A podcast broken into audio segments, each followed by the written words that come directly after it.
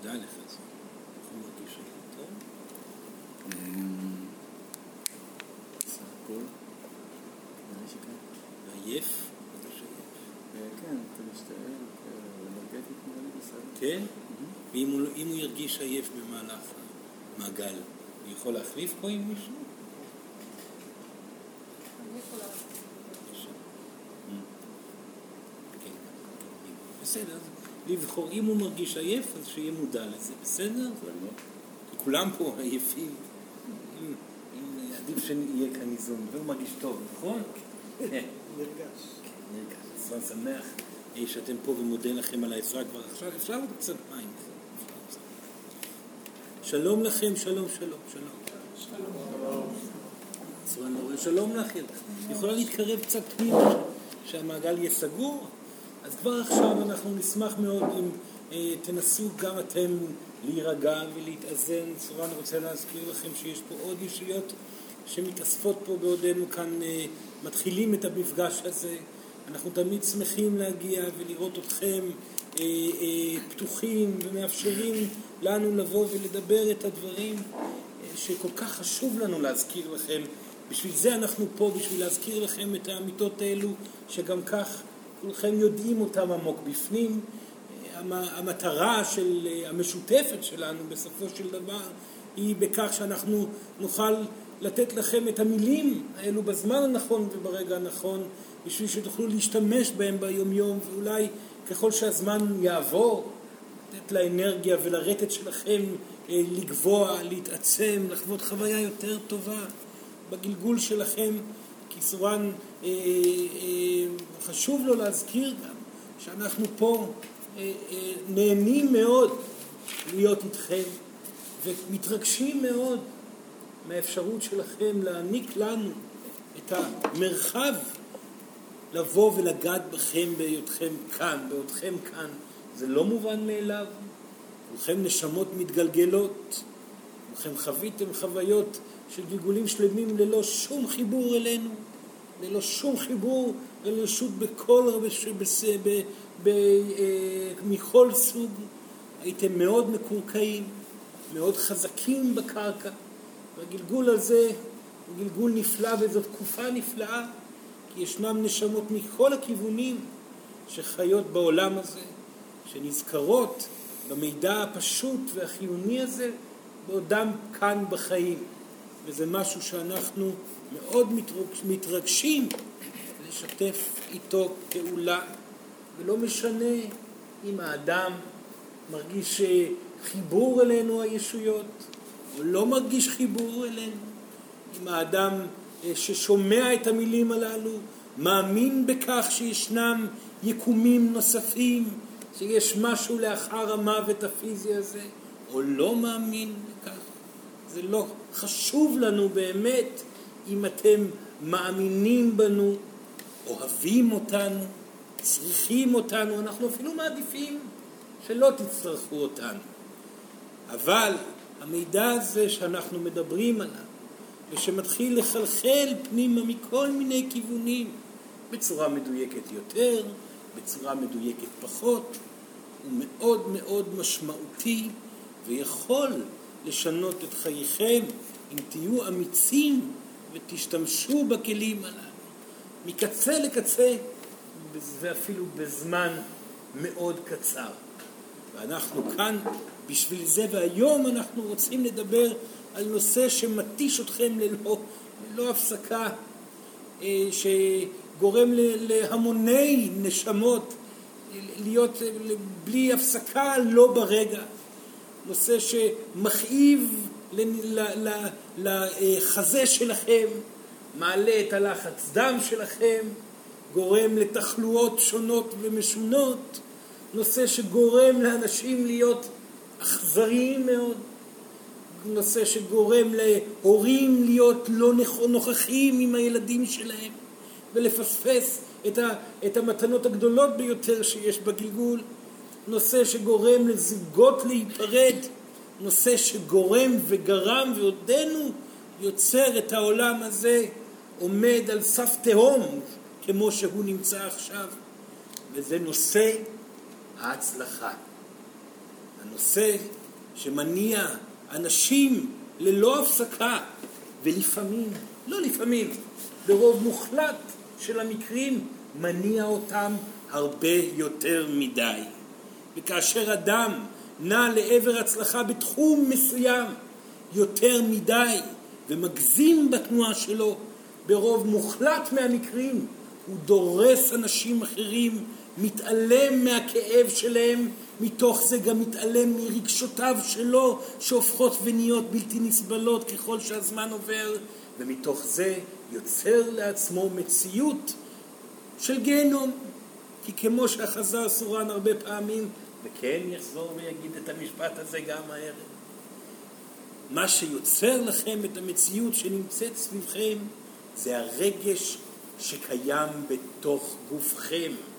הרגש הוא זה שקובע אם היום הזה יהיה יפה או לא יפה, איזה סוג אנשים תפגשו במהלך היום, האם יהיה לכם קל לבצע משימות או לא, וכולכם מכירים את ההרגשה שבה אתם חווים חוויות קשות רגשיות והיום צבוע ברגש עצמו וגורם לכם פתאום להרגיש אה, אה, יותר ויותר רע וכך היום הופך ונהיה גרוע יותר ויותר וכולכם מכירים את ההרגשה שבה שיפור הרגש שלכם במהלך היום פתאום פותח אוויר לנשימה והופך את כל התנהלות היום בבת אחת למשהו חדש, מרגש, חזק ו- ו- ו- ופותח אפשרויות וכו' וכו' וכו'. לכן, כל הנושא הזה של ההצלחה חייב לבוא על בסיס הרגשות. כי אם אתם תחשבו על הנושא הזה, ההיגיון אומר דברים אחרים מאוד. ההיגיון אומר שההצלחה זה דבר נדרש. ההיגיון אומר שחייבים להצליח בעולם הפיזי, כי מי שאיננו מצליח הוא לא, איננו קיים. ההיגיון אומר, ההיגיון המחשבתי שהוא קטסטרופלי ואיום ונורא, סורן לא, י, לא יחכה וכבר יגיד את זה עכשיו, אומר שרק האדם המצליח בעולם החומרי, המצליח במטרתותיו, במטרתות, כך אומרים? מטרותיו. ורק האדם שמצליח במטרותיו הוא האדם שיחווה אושר. כך אומר לך האגו כל היום וכל הלילה, ואתם מאמינים לו. ומאמינים לו ומאמינים לו ומנסים למצוא כל דרך להגיע לאותן מטרות שבעזרתן תוכלו לחוות את ההצלחה הגדולה כי אתם יודעים שאתם רוצים להרגיש בטוב. וסורן חייב לומר, ההצלחה היא מיועדת למען כך שאתם לא תרגישו לבד. כי אדם אשר מוצלח בחייו הוא אדם שמבחינת האגו שלו, ככה האגו חושב לפחות, הוא האדם שיהיה לו כל מה שהוא צריך. כי אם הוא מצליח בכל דבר, אז יהיה לו מצב כלכלי מצוין. ואם הוא מצליח בכל דבר, הוא יהיה עטוף באנשים שאוהבים אותו. כי אדם מוצלח הוא אדם נאהב. כך חושב האגו, וכך גדלה, גדל המין האנושי על, על מסורת ההצלחה הזאת אה, במשך אה, אלפי שנים. אך בתקופה הזאת, הכל כך משמעותית שאתם נמצאים בה, רגע, סליחה, אני שתי רגע, שבה ככל שהזמן עובר, הרגש מייצר את המציאות יותר ויותר ויותר מהר. אתם מתחילים לזהות, וכסורן יודע שכולם מרגישים את זה, אבל מפחדים לפעמים להודות בזה, שכאשר הם כן רצים אחרי ההצלחה הזאת, וכאשר ההצלחה נמצאת בראשם כל היום וכל הלילה, ושהם רוצים כל פעם להיות צודקים ולהוכיח את עצמם כטובים יותר גם בתוך המשפחה, בזוגיות זה קורה המון פעמים, הגבר מתווכח עם האישה, האישה מתווכחת עם הגבר מתוך הרצון להצליח לנצח ולקבל הוכחות על כמה אה, אה, הם טובים יותר, אפילו אל מול האנשים שהם הכי אוהבים, התנצחויות, מאבקים, מפה ועד הודעה חדשה, אה, ומעבר לזה האדם שרץ ומנסה מנסה להוכיח את עצמו, הוא נמצא במצוקה תמידית.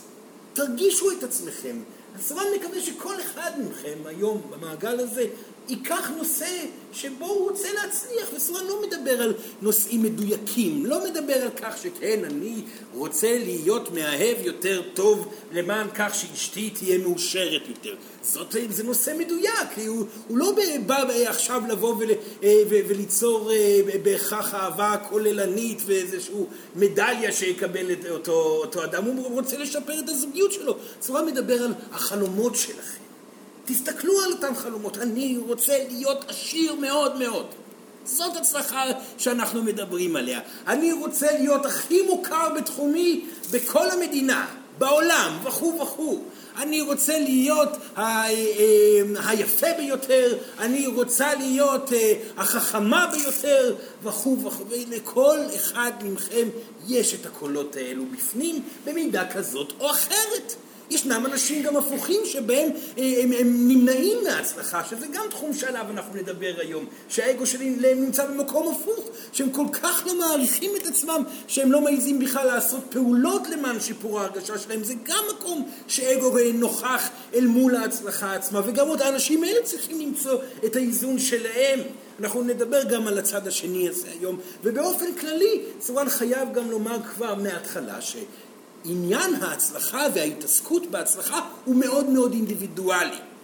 ורגש של אדם שנמצא פה לא יהיה הרגש של האדם שנמצא פה. זאת אומרת שאם אדם ירגיש טוב, באמת טוב, בכך שהוא ידמיין לעצמו מדי פעם, אה, אה, בתחילת הדרך, שהוא מצליח במטרה מסוימת וזה גורם לו לחוויה רגשית נעימה, והוא יודע להרפות מההתעסקות בזה ולהניח לאחר שהוא חווה חוויה של מספר שניות ביום ונהנה מה, מהפנטזיה הזאת וחוזר לעשייה ומרפה לחלוטין מאותה תמונה, יכול להיות שההתעסקות בעתיד בכמות קטנה מאוד תגרום לו לחוויה נעימה בשלב מסוים. וזה יכול לקרות הרבה מאוד פעמים כי האגו שלכם הוא מאוד מאוד עוצמתי. האגו שלכם אה, אה, אה, בתחילת דרככם הרוחנית האמיתית, שבה אתם מחליטים לוותר עליו, הוא עצום, הוא עצום, וככל שלאדם יש יותר שאיפות גדולות מעצמו, ככה האגו שלו הוא יותר גדול, וקשה מאוד לעצור את האגו מההתבטאות שלו, ואנחנו לא מאשימים אתכם בכך, ולפעמים צריך גם, כמו שהוא יוצר תחבולות אליכם. ואומר לעצמכם דברים, אה, אה, לכם דברים שכאילו גורמים לכם להרגיש טוב, אך לאחר מכן אתם מרגישים הרבה יותר רע, כמו תוכיח את עצמך. עכשיו זה הזמן להוכיח לכולם שאתה חכם יותר. ואתם מתפרצים במשפטים גדולים, מוכיחים לכולם שאתם חכמים יותר, ולאחר מכן מגלים רגשית שאתם מרגישים איום ונורא. כי בסופו של דבר התבטאתם אולי במילים נכונות לפעמים, הרבה פעמים לא, אבל במילים נכונות, ולאחר הפעולה אתם מרגישים שזה היה מהלך לא מדויק להוכיח את עצמכם בצורה כזאת. האגו גורם לכם לתנועות כאלו אה, אה, כל הזמן. עכשיו, חשוב לזכור ולהבין מהו האגו במצב הזה שאנחנו מדברים אל מול נושא רגיש כל כך כמו הצלחה. האגו הוא בסך הכל שומר הראש של החוויה הרגשית הקשה. הוא לא רוצה שאתם תרגישו רע. הוא מפחד מהעוצמה הרגשית הקשה שאתם עלולים אה, אה, לחוות אם תגלו אמת מסוימת עליכם, ושם הוא נעמד. הוא רוצה להוכיח לכולם שאתם חכמים, בגלל שאם אתם לא תהיו חכמים כאלו, אתם עלולים להרגיש רע מאוד עם עצמכם.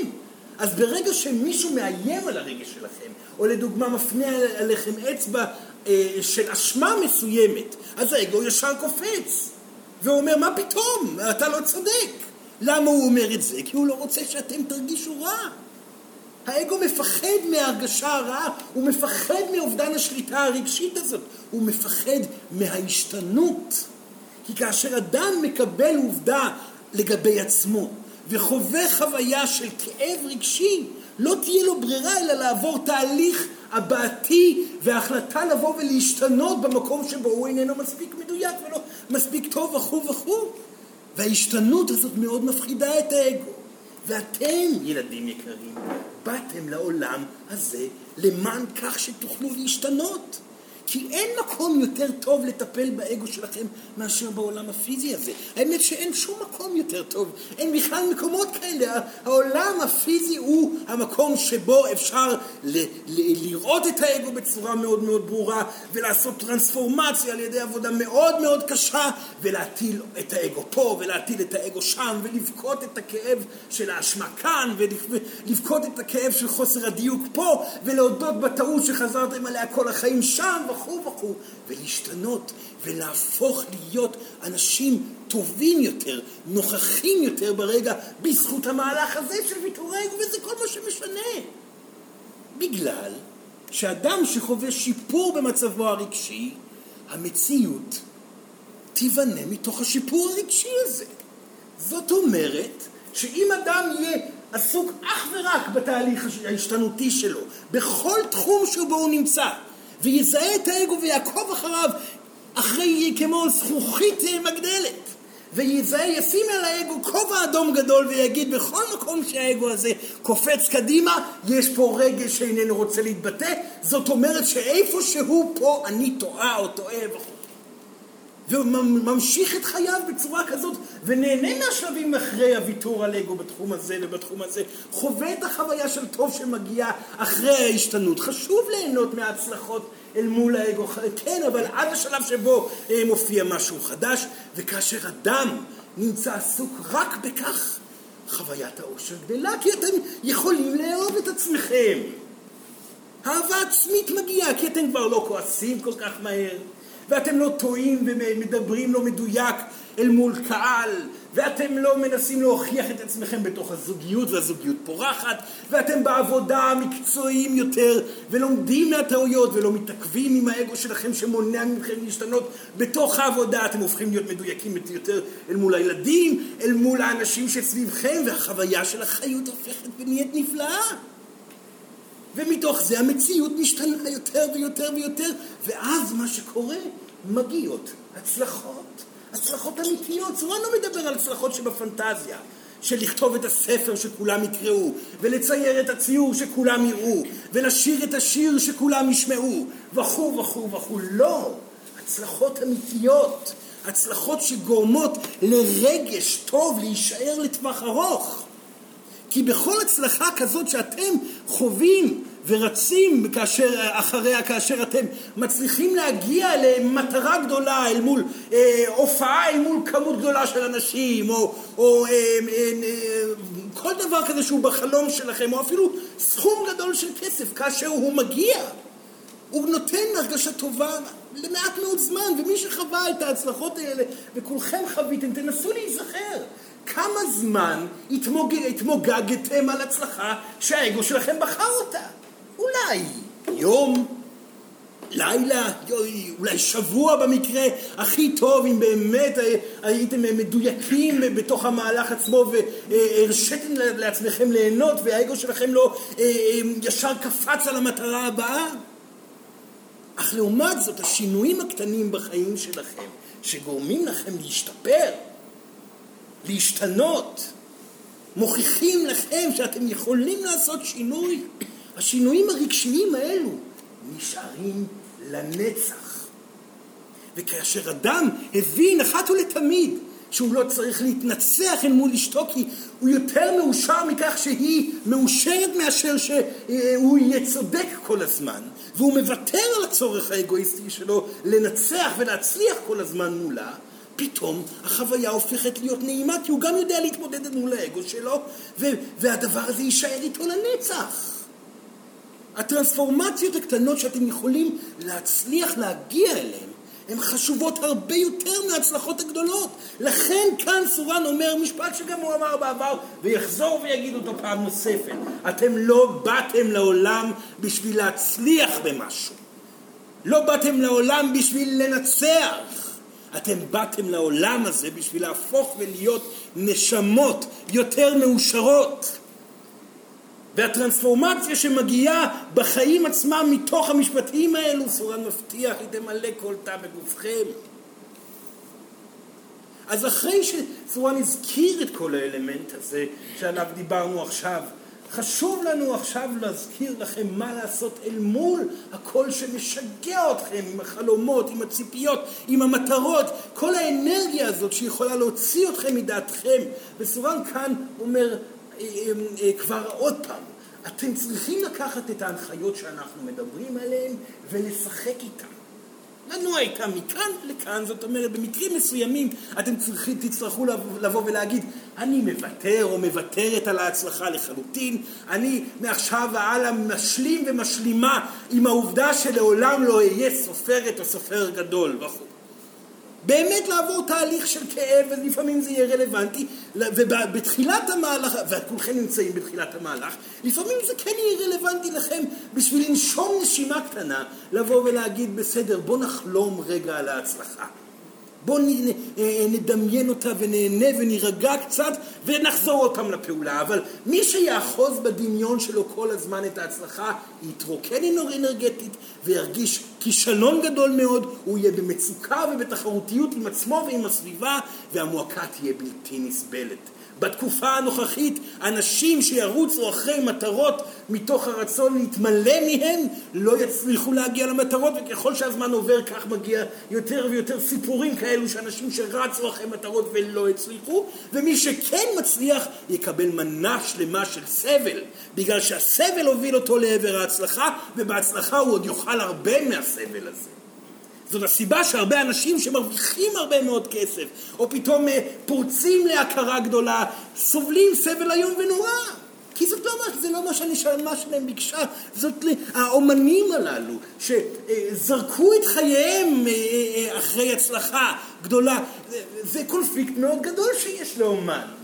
האומן רוצה אה, אה, ליהנות ביצירתו, הוא רוצה להביע את היצירה המדויקת והנעימה ביותר, שכמה שיותר אנשים יוכלו ליהנות ממנה, אבל זה בכלל לא קשור להצלחה עצמה. ורבים מהאומנים שכן רצים אחר ההצלחה, ואז מגלים שכל הנושא הזה של ההכרה הוא בכלל לא מתאים להם. והם מתבלבלים והם לא מצליחים כבר להיות מדויקים עם, היצירה שלהם כי הם כל כך עסוקים בכל הקהל הזה ששוטף אותם ואז הם מאבדים את הסיבה הראשונית שהם בחרו באומנות בכלל. לכן אם יש פה נשמות אומנותיות חשוב מאוד שתזכרו שכאשר אתם רוצים להצליח תזכרו שהסיבה הבסיסית לאומנות שלכם היא, היא רק החוויה של השלמות של ההבעה השלמה באומנות זה מה שגורם לכם להרגשה הטובה ביותר להוציא יצירה מושלמת ליהנות מכך שאתם הצלחתם ואתם יודעים את זה עם הביקורת העצמית, עם המקצועיות שלכם, עם הדיוק שלכם, אתם יודעים את זה שעשיתם את הדבר הטוב ביותר שיכולתם. מה התוצאות של, של ההתקדמות אל מול הקהילה העולמית עם אותה יצירה? זה לא צריך בכלל לעניין אתכם. בתקופה הזאת אומן שיצליח לבוא ולדייק את עצמו ליצירתיות מלאה, אלוהים תגבה אותו. אומן שינסה לרכוש את אהבת, אהבת האנשים שסביבו, אלוהים, תיתן לו בסופו של דבר את המקום שהרגש שלו מייצר, ולרוב זה תהיה מועקה יותר ויותר גדולה. וכך בכל הצלחה, אם אנחנו מדברים על עסקים וכסף. אדם רוצה להוכיח את עצמו בפעילות עסקית מסוימת. הוא פותח מסעדה, לא מסעדה אולי זה אומנות גם כן, אבל האמת שכל דבר הוא שווה אומנות. כי אם, אם אדם עכשיו מחליט החלטה ליצור פרויקט, להרים אה, אירוע, ל, ל, אה, לכתוב, אה, אה, להיות אה, עורך דין טוב מאוד וכו' וכו', והוא מתחיל להתעמק בעשייה ולהיות מקצועי בה ולשים את, ה, את ההצלחה, את הרצון להצלחה בהשתנות היומיומית שהופכת אותו עם עצמו יותר מאושר. בסופו של דבר הוא מרפא מהעתיד. הוא לא עסוק באיך הוא יהיה כאשר אה, הוא יצליח וכמה יאהבו אותו וכמה כסף יהיה לו. הוא, הוא מניח לדבר שגורם לו למצוקה, הוא חש טוב יותר מתוך ההתמסרות לעשייה ומתוך זה דלתות נפתחות. האגו שלכם, גם אחרי שהוא ישמע את המילים האלו, והוא שומע אותם עכשיו ומתקפל ומתכווץ ולא רוצה שאתם תשמעו ולפעמים מבקש אפילו לצאת ולברוח. האגו שלכם יגרום לכם לשכוח את כל מה שסורן מדבר. לכן סורן מבקש מכם, למען חוויית הרגש הטוב שלכם, גם מחר, גם מחרתיים, אם אתם מרגישים מועקה כשאתם עסוקים בעתיד שלכם, תזכרו שזה האגו שלכם שכאן עולה. מה הוא רוצה האגו הזה? למה הוא כל כך מתעסק בלהצליח כל הזמן? הוא מנסה למנוע מכם חוויה רגשית מסוימת, נכון? זה מה שעושה האגו, הוא כאן שומר הראש של ההרגשה הרעה. מה הוא רוצה להביע? על מה הוא שומר? מה הרגש? לא מה הוא רוצה להביע, אלא מה מהי הבאה שכרגע הוא מנסה שלא תביעו? תבדקו את עצמכם אל מול השאלה הזאת, ואז אתם תראו שמה שהוא לא רוצה שאתם תביעו זה אולי את ההבנה שאתם לא הולכים להצליח לעולם. ושם תקבלו את העובדה שיש רגש מאוד חזק שמפריע לכם. ואם אתם רוצים להצליח, ותרו לחלוטין על הסיכוי להצליח, ותנו לרגש לעלות. תנו לו לגדול ולגדול ולגדול, ותעברו את כל התהליך, למרות שלפעמים זה ייקח שנה של כאב. לא כל הזמן, כי אתם צריכים לחזור לעשייה ביום-יום, כן? אבל פעם ביום להתעכב על העובדה שאתם לעולם לא הולכים להצליח, ולראות מה זה עושה. ההתרוקנות תהיה הדרגתית. בסופו של דבר כבר לא יהיה פחד מהכישלון. הכישלון תהיה אפשרות שאתם תוכלו להתמודד איתה. וכאן יעלה האגו שלכם ושואל את השאלה, אז אם אני לא יוצא להצליח כי אהיה שלם עם הכישלון, אז בשביל מה בכלל אצור? בשביל מה בכלל להחליט להתקדם? בשביל ההרגשה הטובה. אז למה אמשיך לעבוד באיכות שאני עובד? כי זה עושה לכם טוב לעבוד בצורה כזאת. אז בשביל מה אצור יצירה יפה אם לא בשביל להצליח איתה? בגלל שזה עושה לכם את ההרגשה הטובה ביותר ליצור אותה ואז להביע אותה שוב ושוב אל מול אחרים. או לראות אותה, לראות שאנשים נהנים ממנה. לא ההצלחה עצמה, אלא חוויית הנעימות שקורית לכולם מתוך הדיוק שאתם יצרתם. כאשר אתם תוותרו על החלומות שלכם, על הפנטזיות, על התקוות שלכם, ותביעו את המטענים הרגשיים שהאגו שלכם מנסה למנוע מכם להביע אותם, ניקיון גדול יהיה בגופכם. ואז, בצורה מפתיעה מאוד, אתם תשמעו את הקול של הנשמה שלכם. והוא יבוא בחיוך גדול וברכות מאוד גדולה, מבלי זיקוקי דינור, מבלי לעלות על השולחן ולצעוק תראו אותי. הוא יבוא ויגיד לכם בואו נמשיך לעבוד. בואו נעשה את זה בצורה המושלמת ביותר.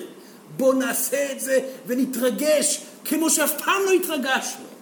בוא ניצור את היצירה הטובה ביותר, בוא נעבוד בעבודה בצורה הטובה ביותר וכו' וכו', והכל הזה יהיה בהיר, ואתם תוכלו לבחור בו וללכת איתו בתוך המסלול שהוא ינחה אתכם בו, שאלוהים מנחה אתכם בו, אתם לא תהיו בשליטה יותר על העתיד, אתם רק תהיו עסוקים בלהיות האיכותיים ביותר שאתם יכולים להיות. ושם יש ניצחון, ושם תהיה הצלחה. כי לא תהיה שם חרדה. ובתוך העשייה שלכם יהיה לכם את המקום לאהוב את הנשים שלכם. ובתוך העשייה שלכם יהיה לכם מקום לאהוב את הילדים שלכם. ובתוך העשייה שלכם אתם תדעו מתוך המהלך הזה מתי זה הזמן לעבוד ומתי זה הזמן להרפות מהעבודה. כל התשובות יבואו מתוך הוויתור המוחלט. וכאן סורן יגיד למען... רגע, אולי לסורן יש עוד שתי מילים להגיד. זה הרבה מידע, סורן יודע, אבל אולי נסכם את זה בעוד דבר אחד אה, חשוב.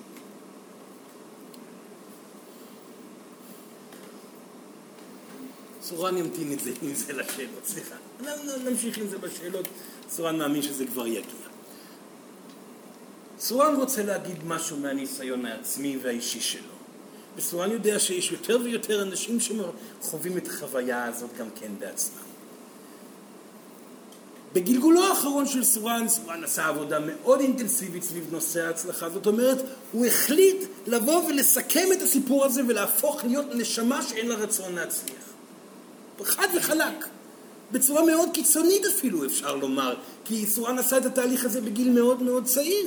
החליט שמגיל 20 עד גיל 30 נגמור את הסיפור הזה, סורן יהיה נשמה שאיננה זקוקה להצלחה, והכלי הזה נשאר עם סורן כל הגלגול, זאת אומרת 200 שנה שסורן קם בוקר בוקר אל מול המראה ושמע את הקול של האגו וככל שסורן גדל בעבודתו והפך להיות מוכר יותר והשפיע על יותר נשמות בחיים אה, שסביבו, של אנשים שנמצאו סביבו, האגו גם גדל בהתאם ואמר תראה כמה אתה טוב ותראה כמה אתה יפה ותראה כמה כולם אוהבים אותך ותראה כמה המתחרים האלו שלך הם לא שווים בכלל אליך זה המשפטים ש, שהאגו תמיד אומר, ואז מתחיל המאבק הקבוע אל מול אותם מצליחנים שקורה ב, לכל אדם שמצליח, שמסתכל על האנשים הנוספים שמצליחים ומתחיל לעשות השוואתיות, כל זה, זה אגו שנלחם על חייו. כל זה מגיע כאשר האגו מנסה למנוע מסורן להרגיש את הרגש שמשום מה הוא רוצה למנוע. סורן ישר קם כל בוקר וצעק צעקה גדולה. סורן הוא הכי גרוע. לא כמעט הכי גרוע. הכי גרוע. כישלון מוחלט. אשם. הביטול חייב להיות אמיתי, כואב, שיגרום לכם להוציא יבבה מגופכם, שיגרום ל- ל- ל- ללב שלכם לדמם אפילו לכמה שניות.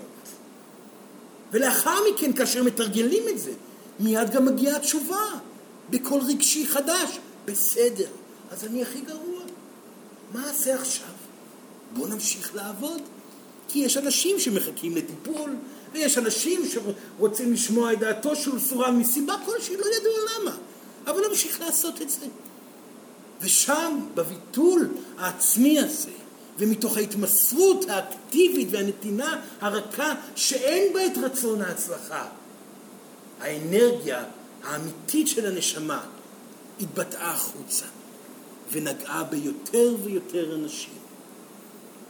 אדם שתופס את האנרגיה האמיתית שלו הופך ונהיה משפיע יותר ויותר, בעיקר בתקופה הנשית. מצוין. זה הזמן לשאול שאלות, וסורן מבקש מכם, תשאלו אותה מכל הכיוונים. כל אדם שיש לו בעיה ולא מרגיש פטור איתה, זה הזמן להעלות אותה, ואנחנו כאן במעגל נעים מאוד. סורן מבקש מכם להיות מספיק אמיצים ולשאול את כל השאלות. כן, רגע, רגע, כן, מי רוצה לשאול?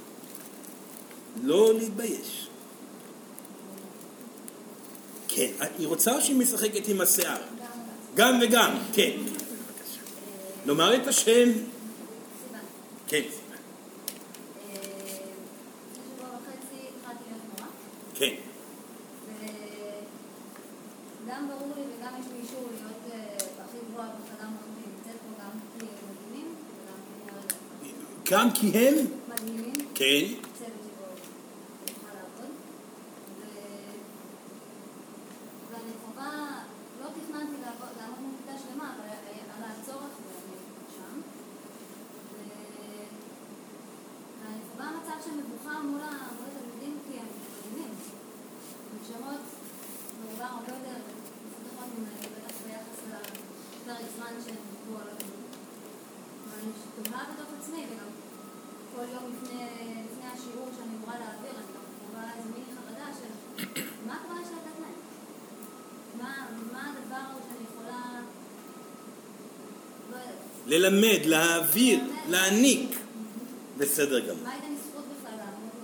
בסדר גמור. דבר ראשון, ישנם האנשים האלה, וסורן דיבר עליהם קודם, והנה ישנה פה אחת מהם, שהם, יש להם את האגו ההפוך. זאת אומרת, ההתבוננות העצמית שלהם היא כל כך אה, אה, נמוכה, שבמהלך חייהם הם צריכים להיות אמיצים יותר ויותר ולהוכיח את עצמם אל מול אחרים ולהיות אמיצים יותר ויותר ולבטא את עצמם בקול גדל יותר ויותר ושם ההצלחות מגיעות. והיא רגילה להיות אשמה. היא מאשימה את עצמה בצורה טבעית והיא רגילה להיות פחות טובה בגישתה מאחרים והיא עושה את זה בצורה כמעט אוטומטית. בגלל זה אנחנו כל כך אוהבים אותה. כי אנשים כאלו, שאין להם אפילו קמצוץ של האגו הכוחני, קמצוץ של האגו שבטוח שהוא הטוב ביותר, אלא מלכתחילה מקבלים את העובדה שהם לא הטובים ביותר, חצי מהתהליך אל מול האגו שלהם כבר נעשה. ועכשיו צריך להתרומם לכיוון החדש. עכשיו, כאשר מדובר על הצלחה אל מול קבוצה של ילדים, מדובר פה על סיטואציה קונקרטית, אפילו לא מדובר פה על חלום גדול. מדובר פה על איך להצליח לעבור את היום הבא בעבודה, נכון? זה כל הסיפור. ועליה לזכור דבר חשוב. כל מה שהיא צריכה ללמד את הילדים האלו, זאת אמת. זה לא קשור לחומר שהיא מעבירה, וזה לא קשור לכמה היא יצירתית שם, ולא קשור כמה היא חכמה אפילו, אלא שפשוט תהיה בנעימות, ולא תפחד להביע את עצמה ברכות וכמו שהיא אוהבת, ושתלמד את עצמה נוכחות שלווה אל מולם. הילדים וכולם, וגם אתם ילדים יקרים, רואים את צורן פה ומגיעים את צורן לא רק בגלל המילים, המילים זה חלק מאוד קטן באנרגיה של צורן. זאת השלווה, זאת האמת, זאת הפשטות, זאת היציבות שמגיעה מתוך אובדן האגו. ומה הילדים בדור החדש צריכים על מנת שהם יהפכו להיות בפוטנציאל הנשמתי שלהם שהוא עצום וענק, זה סך הכל את האמת הזאת. וזאת הסיבה שהיא שם. ואם היא רוצה להגיע למשהו, שתמצא את הדרך להרגיש נוחות אל מול כולם. בקול פשוט ובעדינות. דיוק בכל רגע. שם היא תראה גם איך כל הקבוצה תגיב אליה. בסדר, ילדה? נפלא. שאלה נפלאה. כן, כן, בבקשה לומר את השם. שלום, שלומי. בשורה לא שמע, סליחה. שלום. שלום לך, שלום. אה, יש שאלה, אני מתמודד עם הרבה פחדים שאני נהייתי אליהם כן. בכל פיפ שהם עולים וניסיתי לעבוד בכל מיני תהליכים של מה יכול לקרות במקסימום, אני אמות, והרחת הכי קיצוני ובאותו רגע זה נותן באמת תחושת הקלה אבל זה עם הזמן רק נלחם איתי יותר ויותר ואני לא מצליח לשחרר את זה כן. עליו לדעת מתי לשים קץ להתעסקות בזה.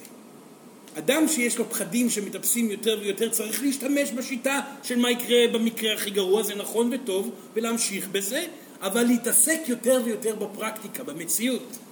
אדם שמגיע לגלים רגשיים גבוהים מדי ומרגיש חרדה כל הזמן, ממעבר לביטוי רגשי, חייב להיות מקורקע. להתחיל ליצור, להתחיל לעבוד, להתחיל לפעול, להתמסר לחלוטין לפעולות, ושם ירגיש איזון יותר גדול. לכן תנועה אל מול חרדה ופחד צריכה להיות הבעה רגשית ללא, ללא מעצורים, ומצד שני פעולות אקטיביות והתקרקעות והתמסרות לעשייה. שם יהיה תהליך של ריפוי מה, מהחרדה עצמה. בסדר? מצוין. שאלה נפלאה. כן, בבקשה, כן, שלום. רבקה. סליחה. ר... כן, רבקה, כן. האם יש נטייה להכשלה עצמית? אה, איך איכשהו מתמודדים עם הדבר הזה? מה הכוונה הכשלה עצמית? זה נושא מאוד מעניין מה שהיא פותחת. למה היא מתכוונת הכשלה עצמית? אה, לדעת אה, מראש, אה, לחשוב מראש, לעשות איזה מעשה שפשוט ידוע מראש שזה משהו לא יצליח. לעשות מעשה שיכשיל פעולות מקדמות, או לדעת מראש ש...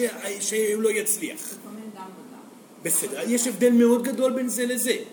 אין שום בעיה להאמין בחוסר הצלחה ולעשות את כל הטוב האפשרי. מעשים שמונעים הצלחה שלרוב זה פשוט התנתקות ובריחה. זה המעשה עצמו, לא להיות נוכחים. מעשים שכאלו, שבאמת לא צריך להתפזר יותר מדי. אולי אם, היית, אם היא הייתה ואנשים היו פחות מודעים, אז אה, בשביל להיכשל הם היו פוגעים במישהו, או, אה, או רבים עם הבוס שלהם, או גונבים משהו. זה כבר לא נמצא ברטט אה, שלפחות מדובר פה, בסדר? מדובר פה בעיקר על חוסר נוכחות. חוסר נוכחות זה מצב של טשטוש, זה מצב שבו היא מתחברת ומתענגת על כך שהיא נמצאת בסיטואציה קיימת והסיטואציה חולפת אל מול עיניה והיא לא מתעמקת בה. מה עושים במצב כזה? מזהים את האגו ששוב מנסה לא לתת לרגש להתבטא. אז למה עכשיו התנתקתם? מה הסיבה שעכשיו אתם לא נוכחים? ממה אתם מפחדים כל כך? האם זה מהצלחה? לא. זה דווקא מהכישלון. מעטים ממכם מפחדים מהצלחה. הצלחה, לפחד מהצלחה, זה לא דווקא הדבר שמניע אדם להתרחק ממטרה מסוימת. הסיכוי להצליח ואז להיכשל, או בתוך הניסיון להצלחה להיכשל, זה הנושא העיקרי. לכן צריכה להיות פה עבודה רגשית, דומה למה שדיבר כאן קודם, לגבי מה יקרה אם אכשל, איך אחיה את חיי אם, אם אכשל, סליחה. והדבר השני זה לוודא שבפעם הבאה שנוצרת התנתקות, אתם אוספים את האנרגיה שלכם ואומרים לאגו שלכם לא, עכשיו אקשיב לו, עכשיו אשתנה, עכשיו אהיה נוכחת, עכשיו אתמסר לנתינה, עכשיו אתמסר ליצירה וכו' וכו' וכו'. זהו שריר שצריך לעבוד עליו, וככל שמתעסקים בו יותר, מתקדמים איתו גם כן. שאלה נפלאה, תודה רבה ילדה. אפשר מים בבקשה? איך הוא מרגיש? בסדר? בסדר, זה כל מה שסורן רצה לדעת. כן, כן, בבקשה, כן, כן ילדה. אחר כך גם. כן. כן. כי כאילו, הרבה פעמים אני מרגישה שאני מפחדת להגיד עד הסוף כל מיני דברים שאני רוצה לומר אותם, לא משנה באיזה סיטואציה. כאילו, מפחדת לבטא את עצמי בצורה. ואני תוהה לעצמי, כאילו, והרבה פעמים נדמה לי שזה, שזה האגו, אבל אני חושבת שאולי זה קצת מה שאמרתי. זה שזה כאילו בדיוק הצד ההפוך של הצד ההפוך. של החוסר שלו, כאילו, אני לא מבינה. אז רק לבדוק. אתם חייבים לטעות כמה פעמים. תבדקו. שתגיד לעצמה, אני אנסה בפעם הבאה ואגיד את הכל. ואז היא תראה מה קרה כאשר היא אמרה. יכול להיות שכאשר היא תגיד את הכל, יתפרץ גם האגו, יכול להיות שהאגו מעורב גם בזה. וכל הדיוק שלה בתוך התהליך יהיה להוריד את האגו מהמילים עצמם, והמילים היו מדויקות, אבל האגו לא צריך לדבר אותם. יש סיכוי שזה הסיפור. ושם היא תלמד לאט לאט איך לא לעשות את זה. היא תחטוף סטירה פה, סטירה שם, עד שהיא תקבל את העובדה שהיא טעתה, ותשתנה. זה הכל. השתמשו בחיים האלו בשביל לעבור את החוויות האלו. ואם יש חוויה שאתם נמנעים ממנה בגלל הסיכוי שהאגו שלכם יתערב בפנים, צורה מאוד מכבד את המקום הזה. אדם שנמנע מפעולות כי הוא מפחד שהאגו שלו יגרום לקטסטרופה, והפעולות זה כבר מודעות נפלאה. מודעות נפלאה. מצב שכזה, הגיע הזמן לפעול אותם, ואז להתחיל לראות איפה באמת האגו עלה, ואיך אפשר לסנן אותו ולהוריד אותו ולהוריד אותו, עד שיהיה כאן ניקיון פלאי. בסדר? כן. זה כאילו ממש איזה פחד כזה, שזה ממש יגרום נזק. נכון, זה פחד קונקרטי. האגו גורם נזק, זה נכון. נכון, אבל האגו גם יגרום נזק עצמי אם לא תטפלו בנוכחות שלו במקומות שאתם חייבים לטפל. הוא יגרום לחוויה רגשית לא טובה. והיא צריכה לטפל גם בצד הזה של האגו וגם בצד הזה של האגו, ולא משנה לאן הוא יעלה, והוא יעלה והוא יטפס, ואתם תיקחו אותו ותזרקו אותו מפה, תראו אותו יום אחר כך על הכתף שלכם, ואתם תוציאו אותו מהכתף ופתאום תראו שהוא על הברך שלכם. הוא בכל פעם יעלה שוב. יש לכם המון עבודה אל מול האגו. אתם לא קרובים לסיום התהליך של, של העבודה הזאת. יש כל כך הרבה מקומות שצריכים להתבטא, כל כך הרבה שינויים שאתם צריכים לעשות. לכן הגיע הזמן להתמקד אך ורק בפעולה הזאת, וזאת הדרך הנפלאה ביותר לחיות את החיים. בסדר? עם הצלחות טובות יומיומיות. שתיקה זאת לא הדרך. שתיקה במקרה שלה היא לא הדרך. כן. שתי שאלות. אה, אחת קצת פחות ברורה אה, בהקשר אה, של זוגיות הצלחה, או הפעולה של אל מול האגו ברצון שזוגיות מסוימת תצליח, או, או אם היא לא מתאימה, לעזוב את זה ולהמשיך הלאה. זה נושא אחר לחלוטין. זה לא קשור אה, להצלחה של זוגיות. האגו לא מעורב. האגו לא מעורב בהצלחה של זוגיות, אלא אם האדם נמשך לאישה, או האישה נמשכת לגבר שאיננה רוצה אותה, או היא איננה רוצה אותו. שם האגו מתערב. הרבה פעמים גבר בטוח שהוא רוצה מישהי בגלל שהאגו מתערב שם ואומר היא לא רוצה אותי, אני אוכיח לה שאני הכי טוב. ושם האגו יוצר התנהלות אגואיסטית בתוך הזוגיות שלא מביאה לשום דבר. האם זה המקרה במקרה הזה? ממש לא, אז אין פה עניין בכלל. יש כאן פחד אחר לחלוטין. הפחד שנמצא כאן הוא כבר פחד שהוא אה, אה, כבר רגשי, זאת אומרת שהאגו כבר זז הצידה בו. יש פה סיטואציה רגשית שצריכה להתבטא. הקשר הזה כנראה לא יוכל להיות. אני חייב להתאבל עליו. או סיטואציה רגשית הפוכה שצריכה לקרות. עליי להתמסר לקשר הזה לחלוטין ולוותר על חיי לחלוטין למען הקשר הזה בשביל שהוא יצליח. לכן עליו לפנות לכיוון הזה. ולכיוון הזה, בדעותיו, ברגשותיו, ולזהות איפה הוא מרגיש התרחבות ואיפה הוא מרגיש התכווצות. הוא יודע איך עושים את העבודה הזאת, שיתעסק. ברור כי. תודה על השאלה. כן, הייתה פה, כן, כן ילדה, כן. כן, כן. אבל כבר שאלו את מה שרציתי. אז לא צריך אם כך. בסדר. אולי כן. יש לה שאלה נוספת שהיא רוצה לשאול? אני יכולה לשאול עוד שאלה. כן. לפעמים יש לי... יש לי איזה עשר. סתם, שלפעמים יש לי בלבול מה הדבר המדויק לעשות, ומרוב אגו או חרדה או מה שלא יהיה, אני לא מצליחה לעשות את התרגילים שלי, אם לא היה פחד וזה וזה וזה. כן. אני רק מצליחה מקסימום לבחור באיזה אופציה, ואז תמיד גרועה. כן. כאילו... דבר ראשון, לבחור באופציה ולגלות שהיא גרועה, זו דרך טובה להתנהל. כי מספיק שתבחרו מס... ב... באופציות גרועות אחת אחרי השנייה, תישאר אופציה אחת שתהיה נכונה ועליה היא תוכל להתמסר. אז אין שום בעיה עם לבחור אופציות ולגלות שזאת הייתה טעות. כי היא יכולה להגיד, אחרי הטעות הזאת לא אחזור עליך, עליה פעם נוספת, ללמוד מטעויות זה דבר מאוד מאוד משמעותי, בסדר? זה דבר ראשון. דבר שני, מצב רגשי אינטנסיבי מאוד חייב להיות מטופל על ידי הבעתו. לפני הכל, לפני כל בחירה, לפני כל תרגיל.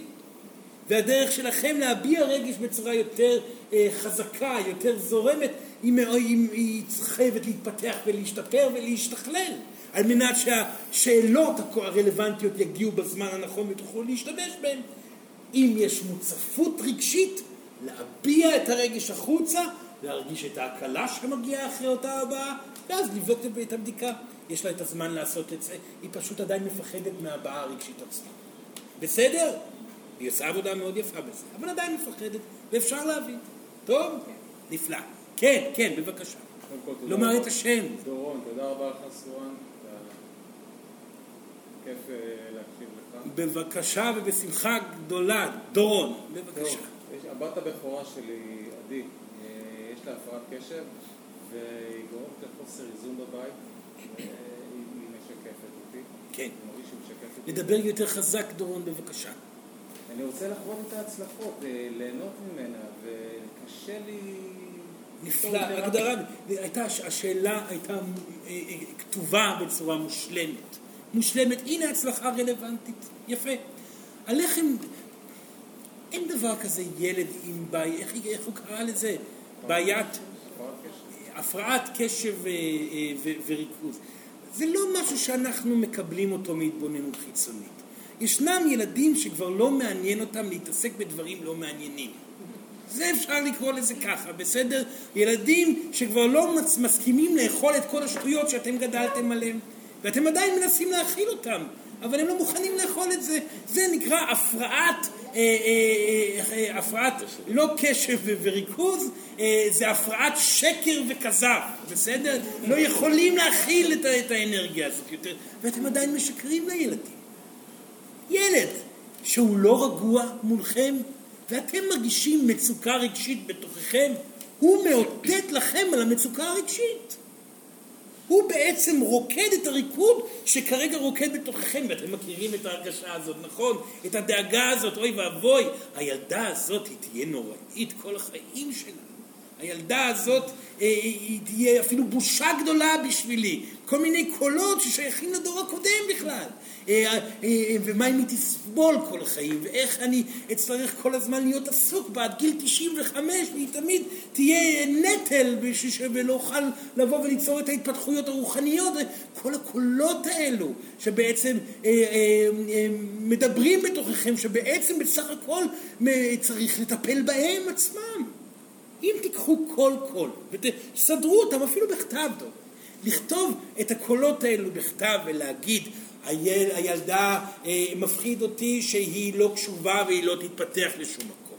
מפחיד אותי שהיא איננה רואה אחרים והיא מת- מתייחסת לאחרים בצורה נוראית והיא ילדה רעה. מפחיד אותי והשלימו עם כל תחום. היא ילדה רעה ואחיה, ייקח כל חיי ואוהב אותה למרות הכל, ואעשה הכל בשביל שתהיה מאושרת.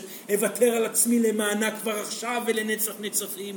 נכון, היא, היא לא הולכת להיות חכמה והיא תצטרך לעבוד במקום ול, וצריך לדאוג לה ולכלכל אותה גם כל החיים. השלימו עם כל האלמנטים האלו, ואז יהיו רגועים שלמים מולה. באותו רגע אתם תראו להפתעתכם שכל עוד הילדים בעלי בעיות הקשב והריכוז הם פשוט יהיו רגועים כי הם לא ירגישו בתוככם, ההורים שלהם. כרגע אתם נהנים מהתקופה שבאמת אכפת להם מכם. עוד מעט יהיה כבר ניתוק, הקרמה תשתנה, זאת אומרת, כרגע הם כלולים בתוך הקרמה שלכם, הם משחקים את התנועה שלהם על פי הנוכחות שלכם איתם. עוד מעט זה ייגמר, אתם עוד יתגעגעו לתקופה הזאת כאשר הם יהיו חופשיים ויעשו את הטעויות שלהם ואז אתם אה, אה, לא תוכלו אפילו להשפיע בכלל. כרגע אתם יכולים להשתנות, לעשות תהליך רגשי, לוותר על ציפיות, לוותר על חלומות, לקבל אותה כמו שהיא, ליהנות, להיות נוכחים, לוותר על עצמכם בשביל להיות נוכחים לחלוטין למרות שיש לה הפרעה כזאת או אחרת. ואז השינויים מתחילים לקרות. שם הם קורים. עכשיו סורן חשוב לו לומר דבר אחד חשוב נוסף שרלוונטי לא, באופן כללי לילדים.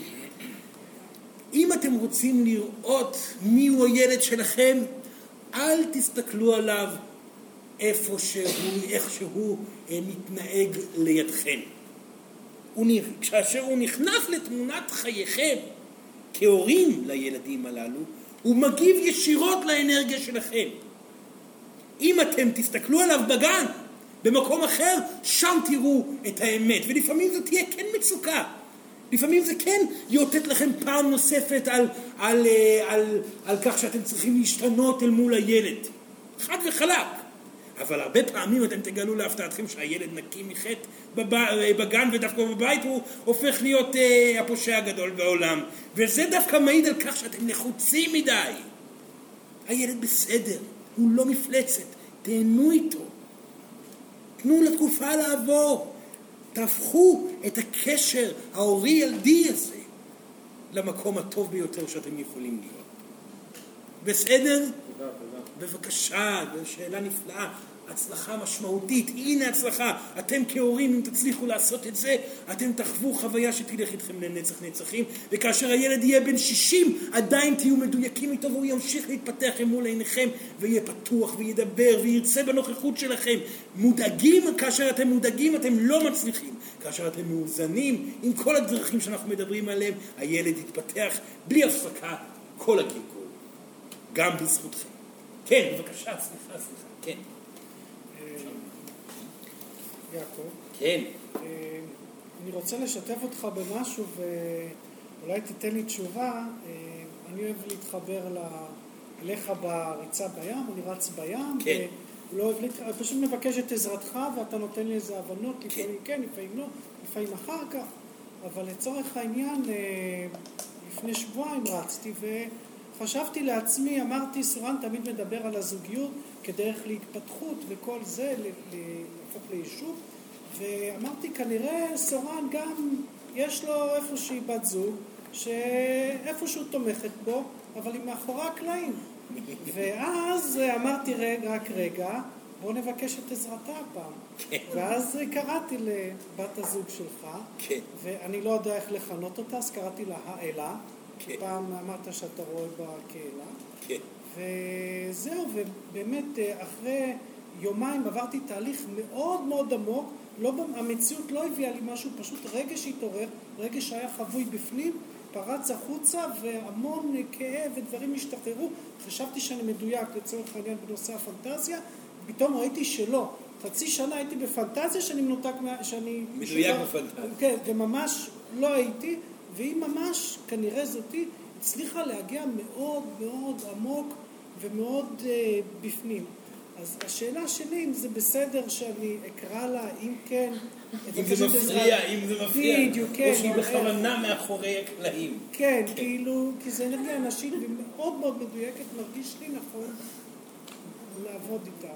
בסדר גמור. דבר ראשון, הוא כאשר הוא, הוא ביקש את בת זוגתו של, של אה, סורן, מדובר על אישה מאוד מאוד מפותחת, כן? כן.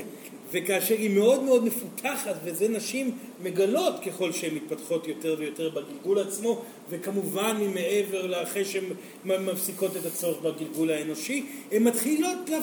פחות לדבר. הן לא צריכות את הדיבור, הן יוצרות מציאות, הן יוצרות צבעים, הן יוצרות רגשות, הן יוצרות... הן מתחילות להיות כתבנית האלה, חד וחלק.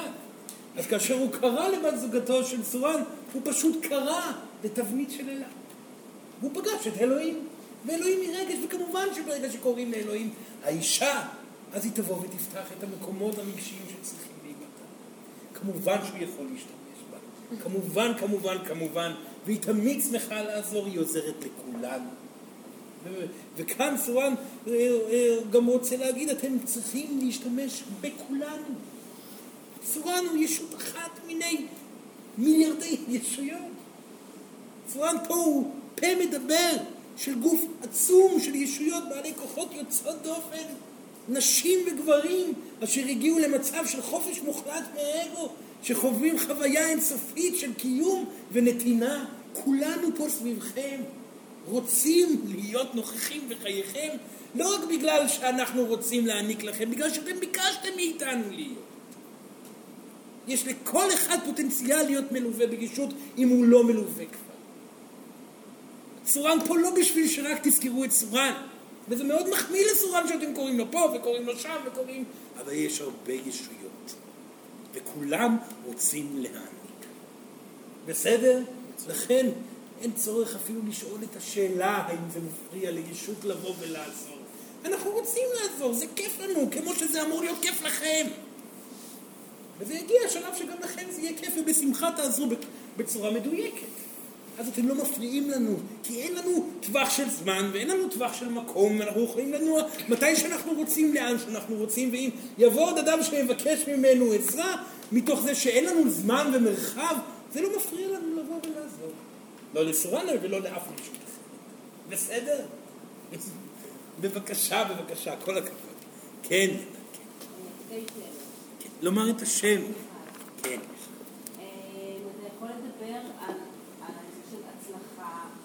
כאילו? אה, סליחה, מיכל, סורן רוצה שהשאלה תהיה מדויקת יותר, היא לא הייתה מספיק מדויקת. לשאול עוד פעם את השאלה בצורה יותר ברורה לעצמה. דיברת על הצלחה מקצועית. כן. אני שואלת על הצלחה, כאילו, איך אני עושה את זה בהצלחה ביצירת זוגיות? ביצירת זוגיות או במציאת זוגיות? זה משהו אחר מאוד. זה לא אותו דבר. כי אם מדובר על הצלחה של ליצור זוגיות קיימת בצורה הטובה ביותר, זה משהו אחד. אם מדובר על מציאת זוגיות, זה משהו שונה לחלוטין. בסדר גמור. בסדר סורן, זה, זה כמובן הצלחה מאוד מאוד משמעותית, כי ההצלחה של יצירת הזוגיות אה, הטובה ביותר מגיעה מתוך אה, הבסיס של ההצלחה הראשונית של מציאת הזוגיות הטובה ביותר. זה כרוך אחד בשני, אבל בזה סורן יגיד עוד פעם, וסורן יודע שזה קשה מאוד לקבל את זה, מאוד קשה לקבל, כי האגו שלכם הוא מאוד חזק שם. כאשר סורן אומר את המילים שהוא הולך לומר אותם, ולא משנה כמה פעמים הוא יגיד אותם, אז האגו קופץ ואומר, לא, אוי ואבוי, שולף את הסכינים, ואומר, אל תתקרבו, אל תתקרבו, אל תתקרבו, את הרגש הזה אני לא אתן לכם להרגיש. וסורן מזכיר לכם ואומר, ברגע שהסכינים נשלפים, והנוכחות של, של, של האגו כל כך חזקה, יש שם עבודה לעשות. בבקשה, ילדים יקרים, סורן יודע שזה מכאיב לכם, בבקשה, קחו את האחריות במהלך הזה. זה בזבוז של גלגול לא לעשות את זה.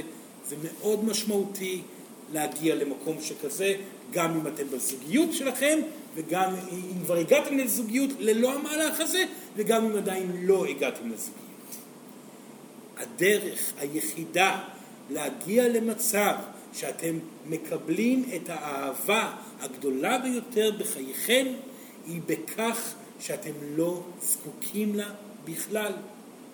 כי אדם שמרגיש שלווה ללא זוגיות, שלווה אמיתית, ניצחון, הנאה, שמחה והסתפקות במועט, חגיגה של חיים, חוסר צורך באינטראקציה הזוגית, באמת, באמת, באמת. ונהנה מכל רגע בלבדות שלו, ונהנה מכל אינטראקציה עם כל אה, נשמה שמגיעה, ולא משנה עד לאן היא מגיעה, ומשלים עם הלבדות שלו ורואה את חייו בהם, בטוטליות, בלבדות הזאת, וחוגג אותם כאשר הוא רואה אותם שם. הוא סיים תהליך רגשי מאוד מאוד גדול, שהאגו שלכם לא נתן לכם לחוות אותו. כי האגו לא רוצה לראות אתכם באמת לבד, ולכן הוא מנסה למנוע מהרגש הזה אה, אה, להתבטא החוצה, בגלל שהוא לא יודע אם הוא יצליח להתמודד עם כאב כל כך גדול, ואתם יכולים להתמודד עם הכאב הזה. אתם מוכרחים להתמודד עם הכאב הזה, כי אם לא תתמודדו עם הכאב הזה, אתם לא תוכלו להיות בתוך זוגיות מאוזנים. כי אדם שמפחד לאבד אהבה ולהיות לבד ותלוי בזוגיות בשביל להיות מאושר לחלוטין, הוא אדם שבתוך הזוגיות עצמה הולך לפעול מתוך האגו, ומתוך בתוך הזוגיות עצמה הוא יעשה כל מה שהוא יכול בשביל לא לאבד את הזוגיות, ואז הוא ייתן יותר מדי ופחות מדי ולא יהיה מדויק, ויהרוס כל זוגיות ולא משנה כמה היא תהיה יפה. זוגיות אמיתית יכולה להיות רק אם האדם איננו מפחד מלבדות אמיתית. ומי שנמצא בתהליך למציאת זוגיות, והיקום מסמן לו שוב ושוב את הלבדות הזאת, זה אומר שאין לו ברירה אלא לקבל את הלבדות הזאת עד הסוף, להשלים איתה בכל צורה ובכל אה, אה נפח רגשי, ושם החגיגה כבר לא תהיה תלויה בזוגיות, ומתוך ההרפאיה המוחלטת שתבוא וההנאה המוחלטת שתהיה, ההפתעות כבר יגיעו. והידע הזה יהיה כלול בתוך הזוגיות ויתפתח בתוך הזוגיות.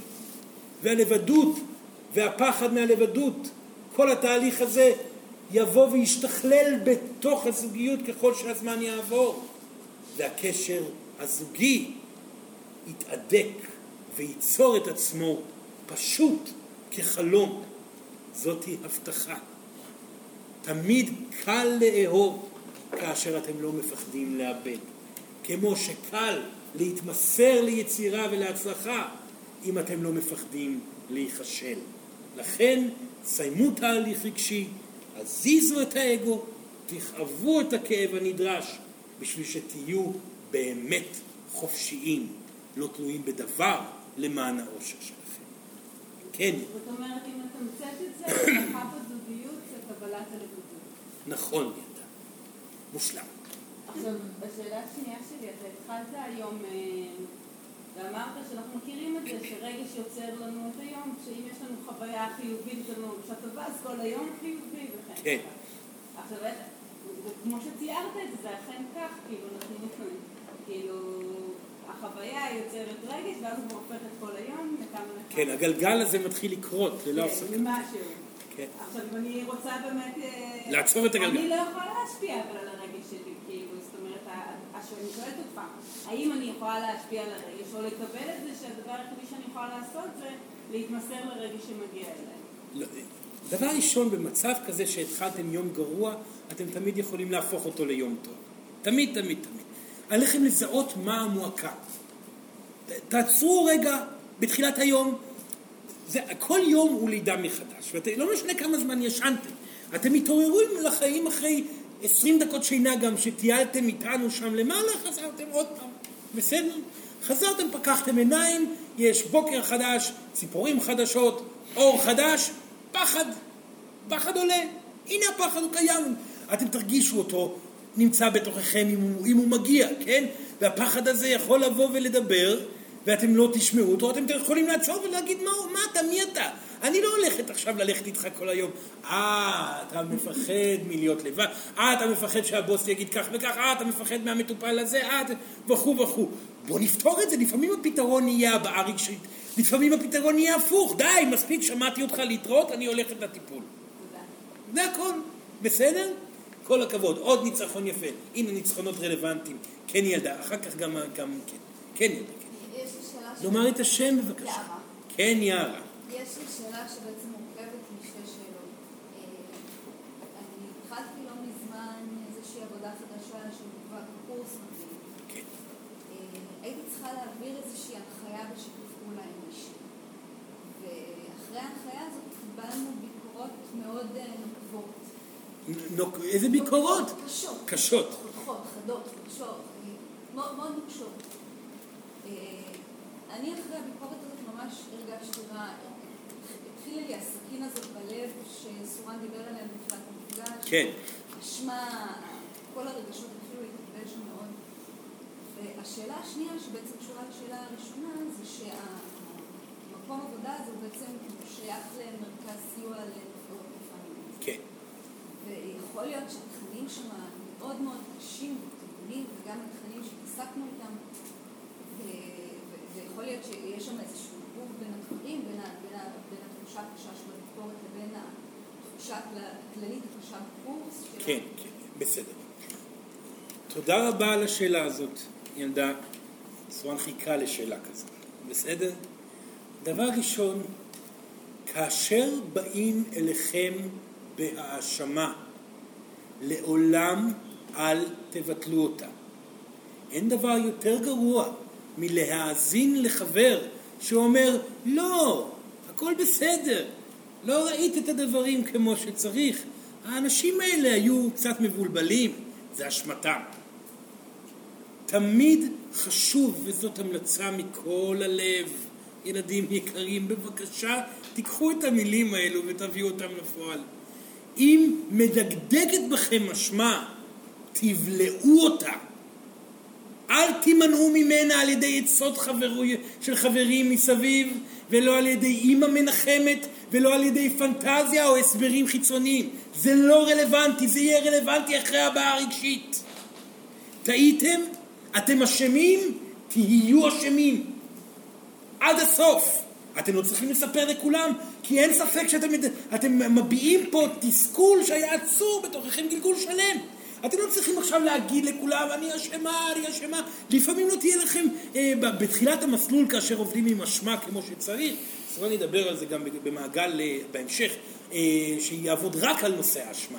אבל בתחילת המסלול קשה מאוד לתת לעצמכם לחוות את האשמה הזאת עד הסוף.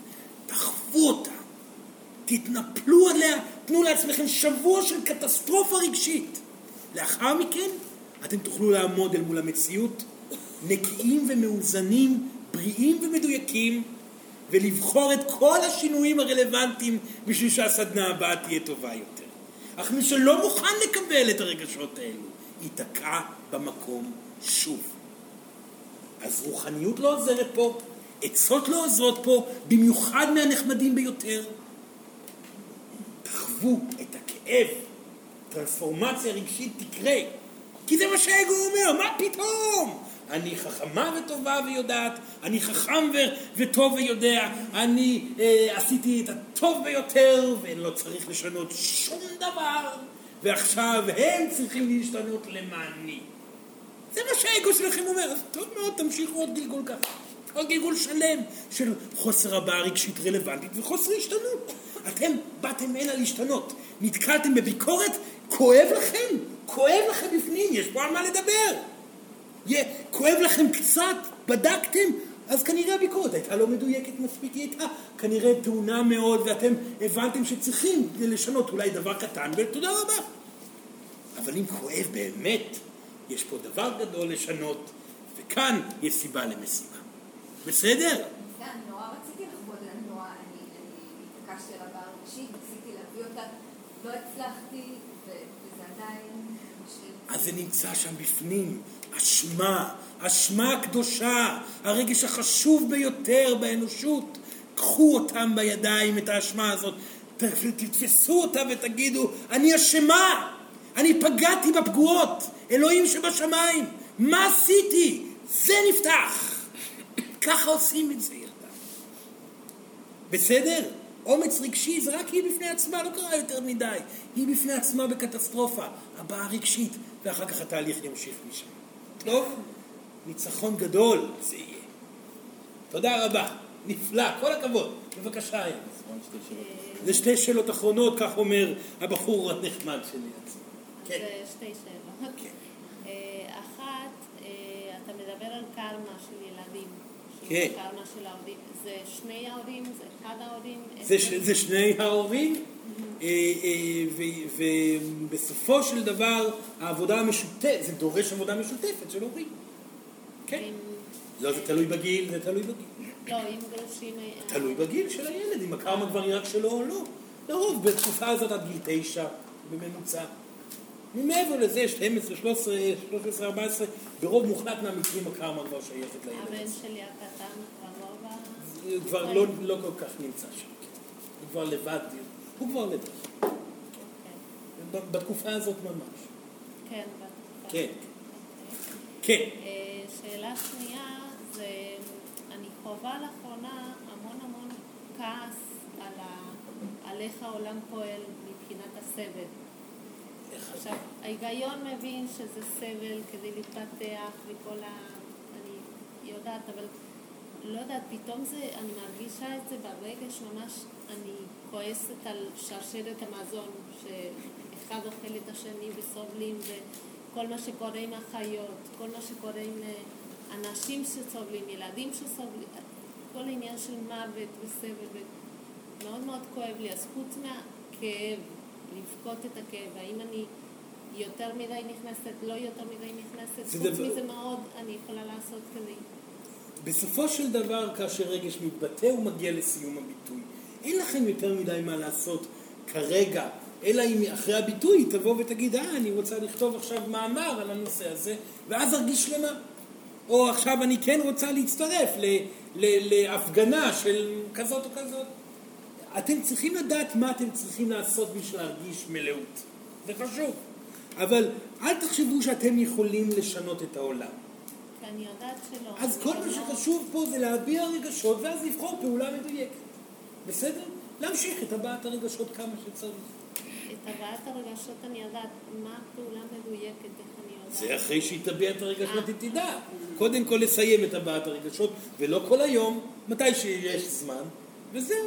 עכשיו סגן כאן סורן חייב לחזור ולומר, אתם בעולם הפיזי, העולם הפיזי הוא עולם שאתם כמוכם כולם באים לסבול בו, להביע רגש וכו' וכו', להתפתח, להשתנות וכו'. אתם בתקווה העולם הזה במהרה יהפוך להיות מקור לאושר גדול כי זה מה שאלוהים רוצה, בשביל זה היא באה הנה, אה, ובתקווה זה יקרה במהירות מאשר מאוחר יותר ואתם צריכים אה, להבין שכל עוד עדיין יש פה נשמות שסובלות וצריכות לסבול כמו הילדים שלכם ואתם בעצמכם, אתם לא יכולים למנוע אחד מהשני את הסבל כי תהליך ההתפתחות מגיע מתוך הסבל אז אתם יכולים לכעוס, וזה חשוב לכעוס, אבל גם חשוב להבין את המהות ואת התכלית של ההשתנות שלכם בתוך עולם הסבל הזה, ואת ההשתנות של הנוכחים סביבכם בתוך עולם הסבל. בסדר? מצוין. שאלה אחרונה, כן, בבקשה. טוב, אה, אני אה, רוצה לשאול, לומר את השם. כן. אה, רוצה לשאול בתחום העשייה, בתחום העבודה, עניין של הצלחה. אה, יש עשיתי שינוי בחיים ואני חווה כרגע אה, די הרבה הצלחות. ואנשים אפילו חוזרים אליי ורוצים, בוחרים בי כמטפל. נפלא. ואני רוצה, ויש גם מנגד, בתוך תוכי, באגו שלי, יש איזו פנטזיה שאני איזה מטפל אה, גדול. וכל הזמן אני מוצא את עצמי, אה, מאזן את עצמי מול זה. מול ה... ואני רק בתחילת הדרך, ובקושי למדתי משהו. וכבר האגו ככה משתתף. וכן, ואני חושב שאני איזה מרפא כן. גדול. שזה לא אני, כי כשאני מטפל בתכלס אני לא מרגיש שזה רק אני. ו- ואני כל הזמן מוצא את עצמי מנסה להתאזן מול זה, כי יש איזו פנטזיה, ויש את ה... יש את ה... בפועל, בזמן העשייה, ש... ששם יש פחות אה, את הדברים, את הרעשים האלה. כן. אה, ואני רואה אנשים ותיקים, שאפילו יוצא לי לדבר איתם, שהם בתחום הרבה שנים, וכל הזמן אני מרגיש המון אגו שיש ביניהם. ואני אומר, אני לא רוצה להגיע להיות כזה, אם אני אלמד עוד ואתפתח, ואני בכלל לא מצפה מעצמי שלא בטוח שאני אעסוק בתחום הזה בעתיד. כן. וזו מלחמה ויש פחד גם, פחד של, של ליפול. כן. דבר ראשון יפה מאוד שהוא עושה את המהלך הזה, זה מהלך מדויק. להיות קשוב לאגו, להיות קשוב לסביבה, לא לרצות להיות חלק מהמאבקים החיצוניים, החיצוניים להמשיך לחתור לעבר דיוק ושיפור באיזון בטיפול עצמו, אחרי הטיפול להניח לנושא וליהנות מהחיים כמו שהם וכו' וכו'. אז זה חשוב לסורן להגיד שהוא נמצא בדיוק בדרך הנכונה, זה, זה רק הולך ומשתפר. זה לא נשאר כל הזמן קשה. ככל שהזמן עובר ומתרגלים לדחוף את האגו לצדדים, היכולת לדחוף את האגו לצד ולהביע רגש, או להשתנות ולהשתפר בעשייה עצמה, הולכת ומתגברת, אז זה לא תהליך, זה לא ייתקע, זה רק יהפוך ויהיה קל יותר. בסדר? כן. ואז, ואז גם אני מוצא את עצמי, דיברתי לא פעם עם סורן על ה... שאלתי על, ה, המקום הזה שאני אה, יוצא מגדרי לתת. כן. ואז אני מוצא את עצמי בתוך לופ כזה של אה, שוב יוצא מגדרי, ובתקופה האחרונה, לא יודע אם אני יוצא מגדרי, אבל ברמה הפיזית אני חווה אה, מכרובים ונפילות פיזיות, בגוף. אה, כאילו אני מתאמץ יותר מדי, כי אני צריך להתאים כן. את עצמי לציפיות. כן, כן, כן. אז כאן סורן רק יגיד, דבר אחד ואז יסכם את הדברים. טוב? בשביל לתת בצורה נכונה, יש חשיבות מאוד גדולה בלהרגיש נעים בזמן הנתינה. אם אתם יוצאים מגדרכם, תוודאו שנעים לכם. אל תתאמצו בנתינה, אל תתאמצו בעבודה, תעשו את הטוב ביותר כשהאנרגיה נמצאת בפנים. סורן עשה מעגל על הנושא הזה. איך קוראים למעגל שסורן עשה על לשמור על האנרגיה בפנים? עם הדובי שהולך ביער. משהו, העדות והנעימות עם האנשים סביבכם, זה היה בינואר, בסוף ינואר? כן, גם סוף. אז, אז, אז, אז המעגל עם הדובי. זה המעגל ששם מדובר על הנושא הזה של איך להיות מאוזנים בתוך הנתינה. בסדר? אז זה מה שסורן ממליץ רק לשמוע את המילים האלו זה כבר הכל יתאזן לו שם. אז דבר לסיכום. אם אתם לא יכולים להיות תלויים בפנטזיה של ההצלחה, בריצה אחר ההצלחה, מה אתם כן יכולים לעשות? מהי אחיזה בהצלחה מדויקת? אתם, אם אתם רוצים להגיע לתמונה מסוימת בחייכם, בהצלחה בקריירה, בעשייה מסוימת וכו', כל מה שאתם צריכים לעשות זה לבדוק איך אתם מרגישים אל מול אותה הצלחה. אתם צריכים להסתכל על הדמיון הזה שיצרתם, על ההצלחה שלכם ולשאול את עצמכם שאלה, האם אני מרגיש רגוע בתמונה הזאת או לא? אלוהים יודעת שאתם רוצים להגיע למטרה ש... ששמתם מול עיניכם. אתם מדברים על זה כל הזמן והיא שומעת אתכם כל הזמן. אז הניחו לדיבור על הנושא. תבדקו איך אתם מרגישים אל מול ההצלחה, כי אז אתם תגלו הפתעות מאוד גדולות, שאתם בעצם לא באמת רוצים את ההצלחות שאתם מדברים עליהן. כי בתוך ההצלחה הזאת, בדמיון הכל היה נראה נפלא, אבל אם אתם שמים את גופכם שם בתוך הדמיון הזה, אתם תרגישו שההצלחה הזאת היא נחמדה פה, אבל כאן יש התכווצות גדולה, וכאן יש פחד גדול, ואתם מפחדים להצליח כי אתם מפחדים מדעת קהל, ואתם מפחדים מהכישלון. מספיק שאתם תזהו את עצמכם אל מול ההצלחה, אתם תוכלו להתחיל לעשות עבודה של שחרור פחדים שם. וכאשר תוכלו לדמיין את ההצלחה עם פתיחות אנרגטית מלאה, ותרפו מזה, ותתמסרו לדיוק ולהצלחות הקטנות בחיים, אז אלוהים יכולה להעניק לכם את ההצלחה. כי אתם לא מפחדים ממנה, אתם רגועים איתה ולא תלויים בה למען העושר היומיומי שלכם. שם הצלחות קורות. וזה לקחת את כל הדברים שדיברנו עליהם עד אה, היום ולאחד ביחד. זאת אומרת, עשייה, התמסרות, הצלחה מרגע לרגע וחוסר פחד מהדמיון שאותו אתם רוצים. להגיע לשלמות שם ושלמות בהווה ולהרפות מההתעסקות בעתיד, ואז תראו איך אלוהים מגיבה. להתיישב זקופים במקום ולעצום עיניים, אנחנו ניפרד. ביחד עם סורן שלוש שאיפות עמוקות. שאיפה ראשונה. נשיפה. שנייה. נשיפה. שאיפה שלישית.